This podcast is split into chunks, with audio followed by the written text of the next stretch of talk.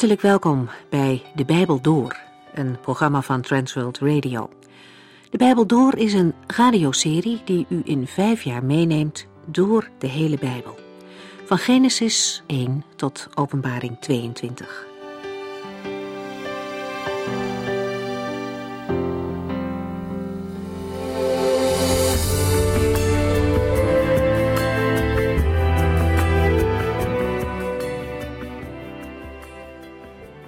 Basis voor deze radioprogramma's zijn de Bijbelstudies van dominee Vernon McGee.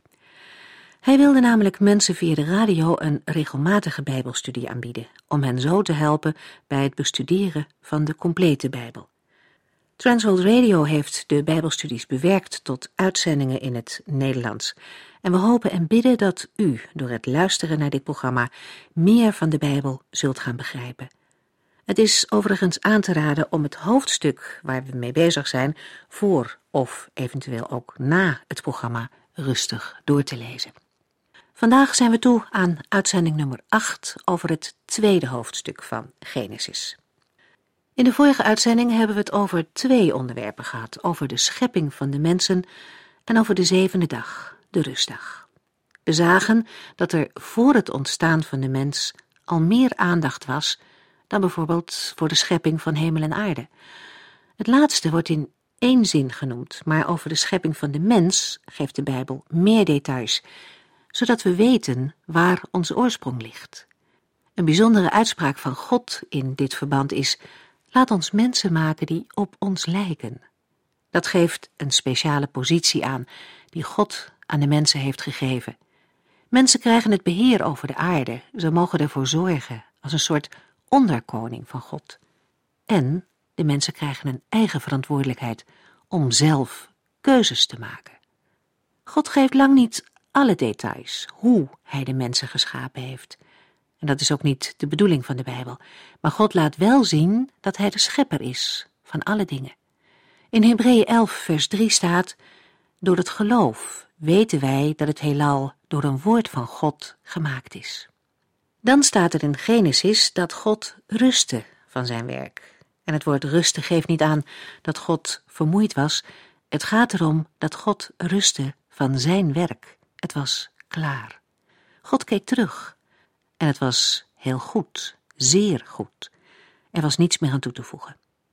In Genesis 2 lijkt het alsof er een herhaling van het scheppingsverhaal komt. Maar we zullen zien dat in dit hoofdstuk een belangrijk onderdeel van de schepping er uitgelicht wordt en meer nadruk krijgt. Dat komt vaker in de Bijbel voor. Zo niet één, maar er zijn zelfs vier evangeliën over het leven van de Heer Jezus. In het hoofdstuk van vandaag meer details over de schepping van de mens.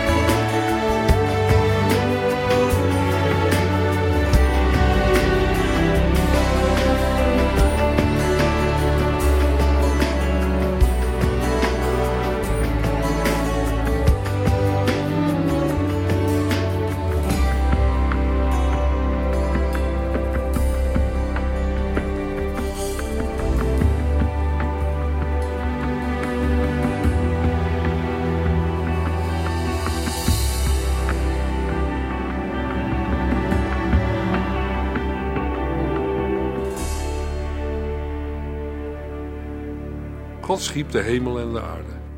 In hoofdstuk 2 van het Bijbelboek Genesis wordt in vers 4 een samenvatting gegeven van de eerste vijf scheppingsdagen. In het heelal vond de val van Satan plaats, een catastrofale gebeurtenis. Maar God kwam en de geest van God zweefde boven de watermassa. Er werd orde in de wanorde gemaakt. Genesis 2, vers 4. Dit is een samenvatting van het werk dat de Heere God verrichtte toen hij de hemelen en de aarde heeft gemaakt. Het boek Genesis is niet alleen het boek van het begin, maar ook het boek van de dingen die bij elkaar horen. De openingszin in vers 4 is een markant punt in de structuur van het Bijbelboek Genesis. Vers 4 begint met: Dit is de Toledot, de verdere geschiedenis van. Een soort formule of uitdrukking waarmee het begin van een nieuw gedeelte wordt aangegeven. Hoe gaat het nu verder, nu de hemel en de aarde geschapen zijn? Om die vraag te beantwoorden, is het nodig dat de aandacht gericht wordt op de mens. Het gaat hier niet om een nieuw scheppingsverhaal, maar om een vertelling van wat er met hemel en aarde gebeurt. Het laat zien hoe de mens, die uit de aardbodem gevormd werd, in de tuin van Eden geplaatst wordt en hoe het hem daarin vergaat. In vers 5 en 6 wordt beschreven wat er nog niet is: nog geen veldgewas en nog geen regen. Vervolgens wordt in vers 7 aangegeven wat God doet. Genesis 2, vers 5 en 6. Er waren nog geen planten of gewassen opgekomen uit de aarde, omdat de Heere God het nog niet had laten regenen. Ook was er nog niemand die het land kon bewerken. Er steeg echter een damp uit de aarde op die het land bevochtigde. Dit alles was er al voordat de mens op de aarde kwam. Nu ontdekken we wat het doel van God was met de schepping van de aarde. God bereidde een woonplaats voor de mens die hij ging maken. Hier in vers 6 is alles er klaar voor om de mens op zijn plaats te zetten. Vers 7. De schepping van de mens. In Genesis 1 zagen we dat er in het begin niets was. Toen schiep God de hemelen en de aarde. Het niet-organische materiaal kwam tot bestaan. De volgende stap was de schepping van het organische, dat is de schepping van het leven. God schiep het dierlijke leven. De planten waren blijkbaar nog niet vergaan, maar op dit moment in de schepping was het zaad al in de aarde. Er is hier onderscheid tussen de open, niet gecultiveerde vlakte, het veld, waar dieren kunnen grazen, en de akker, het land, waarop landbouw mogelijk is op basis van irrigatie en menselijke inspanning. De mens is de volgende stap in de schepping. Er is in feite geen overgangsproces, zoals de evolutie het ons mededeelt, de verschijning van de Homo sapiens op aarde. Nee, de aarde werd voorbereid op de komst van de mens. Toen vormde de Heere God het lichaam van de mens uit stof van de aarde en blies hem levensadem in. En zo werd de mens een levend wezen. Genesis 2, vers 7. Met deze minimale informatie vertelt God ons hoe de mens werd gevormd. De mens werd gemaakt uit stof van de aarde. Het werkwoord formeren, vormen, wordt onder andere gebruikt voor het werk van een pottenbakker. We lezen dat in Jeremia 18, vers 2. Jezaja gebruikt het voor een beeldhouwer in Jesaja 44, vers 9 tot 12. Het werkwoord geeft het vormen van een kunstwerk aan. De gangbare voorstelling bij dit vers is dat de mens uit stof gemaakt, geboetseerd is, maar dat staat hier niet. In de weergave uit stof ontbreekt in de grondtekst het woordje uit. Het woord wat vertaald is met stof betekent materiaal in zijn kleinste delen. Hier wordt bedoeld de kleinste bouwstenen uit de aardbodem uit de natuur. Vanuit onze latere kennis kan gedacht worden aan chemische en natuurkundige elementen. Het is heel interessant om hier op te merken dat ons lichaam is samengesteld uit 15 of 16 chemische elementen. En die bevinden zich in de aarde. Als we alle afzonderlijke chemische elementen van elkaar scheiden, dan zijn ze louter materieel gezien maar heel weinig waard. Een bedrag tussen de 3 en 4 euro. Dat komt omdat we uit aardstof zijn gevormd. Maar de mens is wel meer dan stof. Wij keren terug tot stof, maar onze levensadem keert terug tot God. Doordat de levende God ons de levensadem inblies, werd de mens een levend wezen. Deze twee stadia van handelen, eerst het lichaam en daarna de levensadem, komen ook terug in Ezekiel 37, vers 9. De levensadem wordt nergens in combinatie met dieren genoemd. Als resultaat van Gods inblazen wordt de mens een levend wezen. God gaf de mens een lichaam en een ziel, maar ook een geestelijk leven. Met andere woorden, de mens ontving een geweldig fijne mogelijkheid tot communicatie met God. De mens heeft in zijn wezen een besef voor God. Dit onderscheidt hem van alle andere schepselen in het heelal. Natuurlijk zijn de engelen er ook nog, maar daar weten we heel weinig vanaf.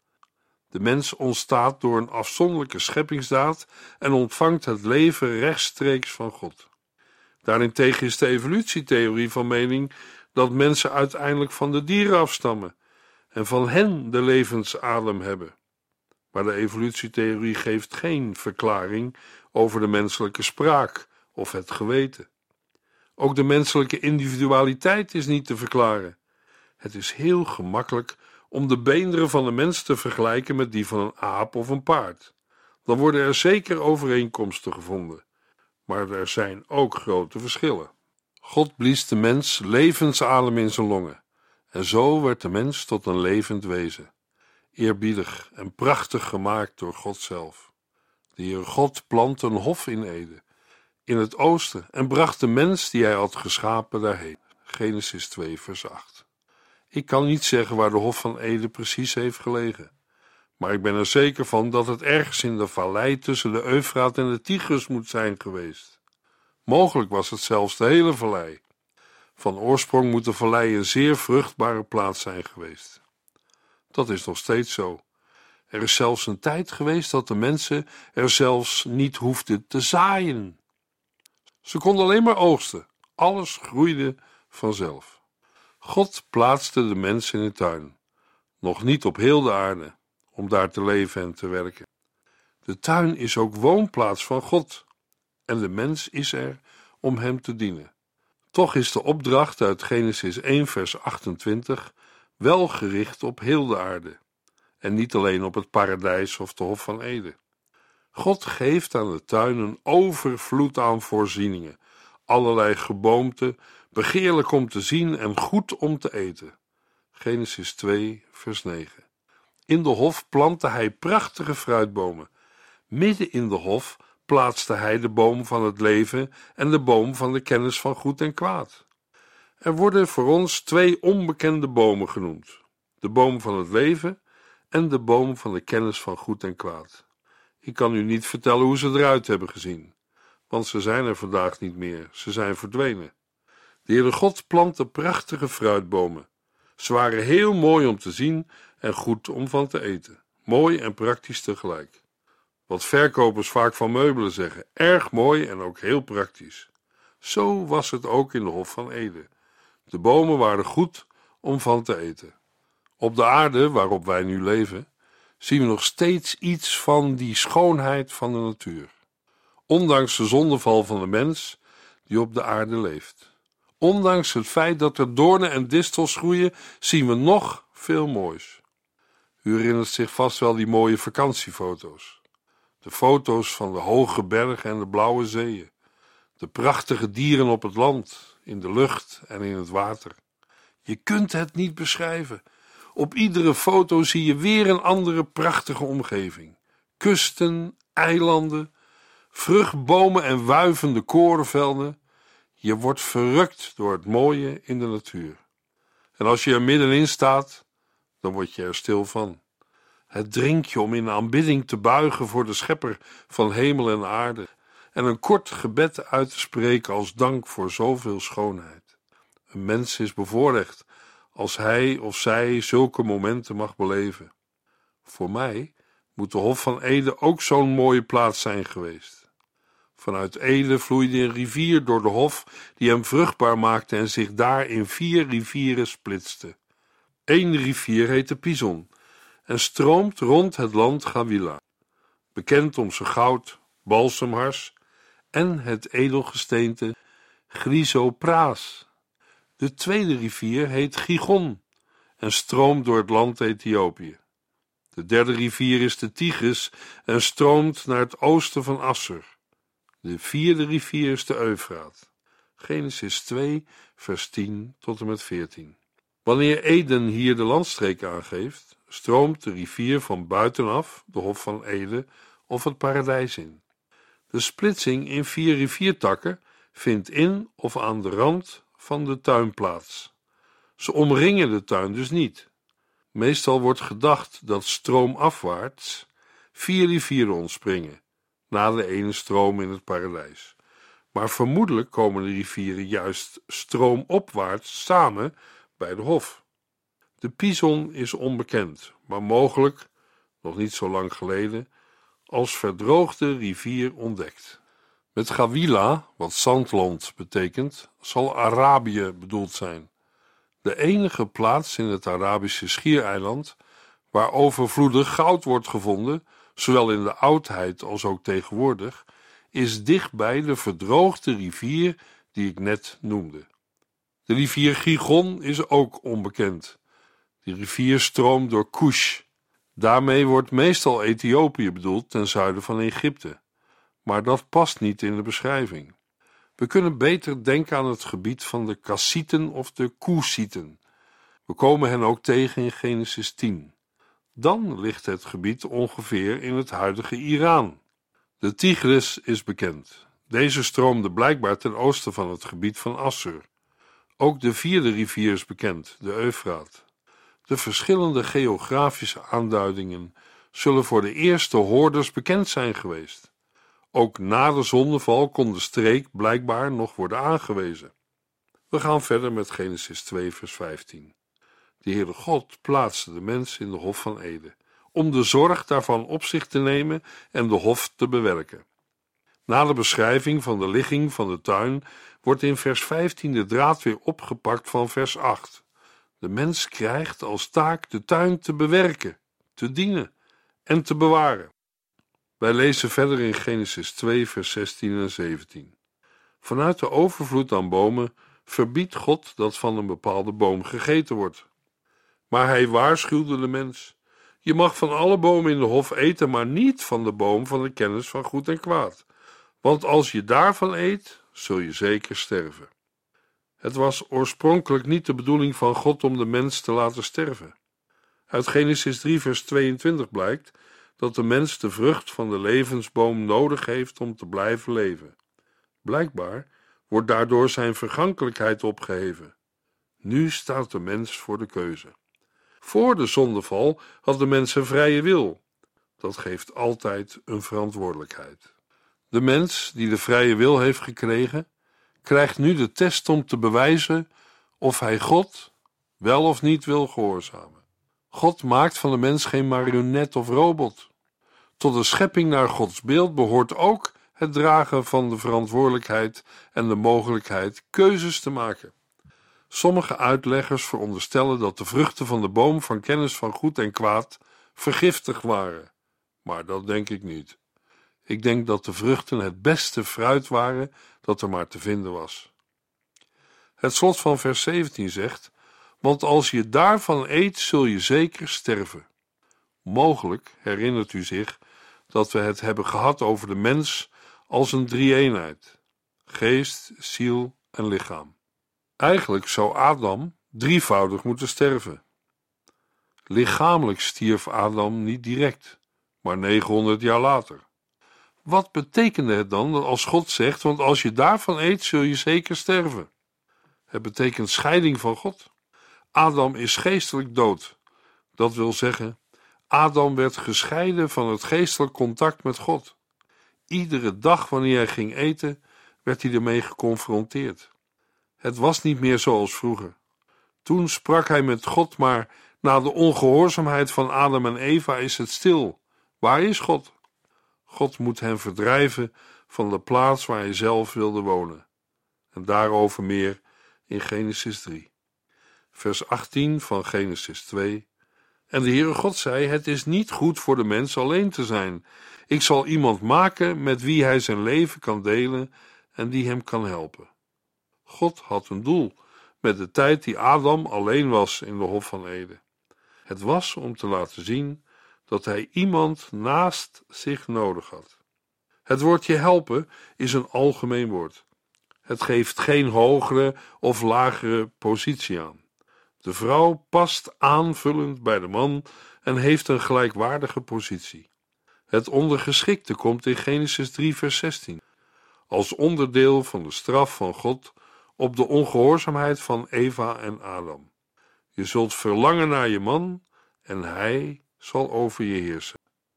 De naamgeving aan de dieren. Genesis 2, vers 19 en 20. De Heere God maakte uit de stof dieren en vogels en bracht ze bij de mens om te zien hoe hij ze zou noemen. De naam die hij koos zou voor altijd hun naam blijven. Maar geen van deze dieren was geschikt als helper voor Adam. Best een hele opdracht om alle dieren een naam te moeten geven. Daarvoor is zeker een intelligent persoon nodig. Ik geloof dat Adam dat was. Als grap vertelde iemand toen God een olifant naar Adam bracht en vroeg: Hoe zullen wij dit dier noemen? Antwoordde Adam: Nou, hij lijkt het meest op een olifant dan op iets anders. Laten we hem olifant noemen. En zo gebeurde het. Nog even over de vrouw die de God als hulp naast Adam plaatste. Een hulp is iemand die instemt en antwoord geeft. God gaf een hulp als aanvulling op Adam. Hij is dus zelf de andere helft. Dat is al terug te vinden in de Hebreeuwse grondwoorden. Het woord voor man is ish en het woord voor vrouw is isha. Zij is de andere helft van de man en vult hem aan. God schiep de man als eerste en daarna de vrouw. Het was zijn bedoeling dat de man de leiding zou nemen. Na goed overleg moet er één de knoop doorhakken. Die positie heeft God aan de man gegeven. Dat is niet hetzelfde als de baas spelen en alles naar eigen inzicht te regelen en te doen, zonder te overleggen met je wederhelft. Je zou kunnen zeggen: de man onderneemt en de vrouw reageert. Ga me niet vertellen dat een vrouw haar man moet liefhebben. God zegt dat niet. Net zo goed moet een man zijn vrouw liefhebben. Als man en vrouw elkaar moeten voorhouden dat ze elkaar moeten liefhebben, dan klopt er iets niet. Ze zijn immers man en vrouw omdat ze elkaar liefhebben. Wat God zegt is dat de vrouw een echo van de man moet zijn. Wanneer hij zegt: Ik hou van jou, dan zegt zij direct: Ik hou ook van jou. Wanneer iemand klaagt: Mijn vrouw is heel cool, dan is dat een dooddoener. Het is misschien tijd voor een zelfonderzoek, want wanneer hij de juiste man voor haar is, zal zij op zijn liefde reageren. Hij heeft immers de leiding. In de versen 21 tot 23 lezen hoe de vrouw gemaakt wordt. Vanuit de rib van de man bouwt God een vrouw. Hij maakt de vrouw niet uit de aarde zoals de man. Op deze bijzondere manier wordt de onderlinge relatie benadrukt. God zelf brengt de vrouw tot de man. Samen hebben zij een erepositie in de schepping. In latere tijd leidt de vriend van de bruidegom de bruid naar de bruidegom. Het moment van officiële overdracht, waardoor het huwelijk voltrokken wordt. De man geeft hierop een vreugdevolle reactie. Vers 23. Ja, dit is wat ik nodig had, riep Adam uit. Zij is echt een deel van mijn lichaam. Ik zal haar manin noemen, omdat zij is genomen uit de man. Genesis 2, vers 24. Dit verklaart waarom een man zijn vader en moeder verlaat, zich bij zijn vrouw voegt en werkelijk één met haar wordt. Met andere woorden, de man is nu verbonden aan zijn vrouw. En dat betekent dat hij voor haar verantwoordelijk is en niet langer onder de controle van zijn vader en moeder staat. Het laatste Bijbelvers van Genesis 2, vers 25 vertelt: Hoewel de man en de vrouw allebei naakt waren, hinderde hen dat niet, want zij schaamden zich niet voor elkaar. Hier is een echtpaar dat God zelf heeft samengevoegd. Vanuit dit ene paar komt de hele mensheid. Het wordt bevestigd in Handelingen 17, vers 26. Hij heeft alle volken laten voortkomen uit één mens, die door hem was gemaakt, en verspreidde hen over de aarde. Hij stelde vast hoe lang ze zouden leven en binnen welke grenzen zij zouden wonen. Genesis laat ons zien dat God het huwelijk heeft ingesteld. Het huwelijk is één van de dingen die de moderne mens probeert te verwerpen. Kom op, zeggen zij, laten we onze boeien verbreken en onszelf bevrijden uit deze slavernij van God. Psalm 2, vers 3. Wat probeert de mens te doen? Hij probeert zich van God los te maken, omdat het God is die het huwelijk heeft ingesteld. Vers 25 vormt de overgang naar de volgende geschiedenis. Het woord naakt komt terug in Genesis 3, vers 7. Meestal wordt naakt en zich schamen in de uitleg met elkaar verbonden. Het is ook mogelijk om twee aparte zinnen te lezen. De naaktheid heeft een plaats binnen het huwelijk en daarvoor behoeft men zich niet te schamen. Maar naar anderen toe is bedekking nodig. Zie Genesis 3, vers 7, waar we lezen over vijgenbladeren en schorten. De schaamte is dan niet zozeer bedoeld voor elkaar als wel tegenover God. In Genesis 3 vooral een slecht geweten.